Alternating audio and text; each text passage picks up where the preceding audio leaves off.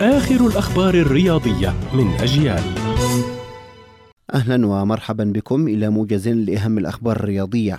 أحرز منتخبنا الوطني لكرة الطائرة الشاطئية برونزية بطولة غرب آسيا 2022 وذلك عقب تغلبه على سوريا بشوطين نظيفين على ملاعب أسباير بالعاصمة القطرية الدوحة ذكرت صحيفة آسا الإسبانية أن ألفارو موراتا مهاجم يوفنتوس الحالي وريال مدريد وأتلتيكو مدريد سابقا يقترب من الانضمام إلى برشلونة على سبيل الإعارة. ونبقى مع أخبار البارشا إذ قدم الفريق للجماهير على ملعب الكامب نو مهاجمه الجديد فيران توريس القادم من صفوف مانشستر سيتي مقابل 55 مليون يورو بالإضافة إلى 10 ملايين كمتغيرات.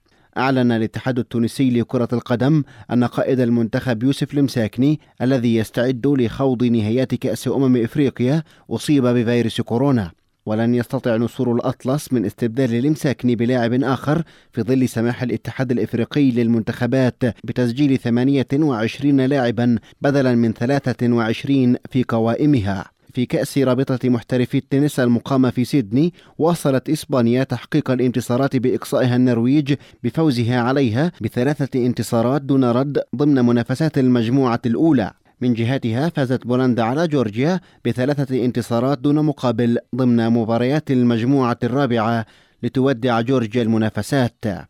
كانت هذه أبرز الأخبار الرياضية. كنت معكم محمد سمحان.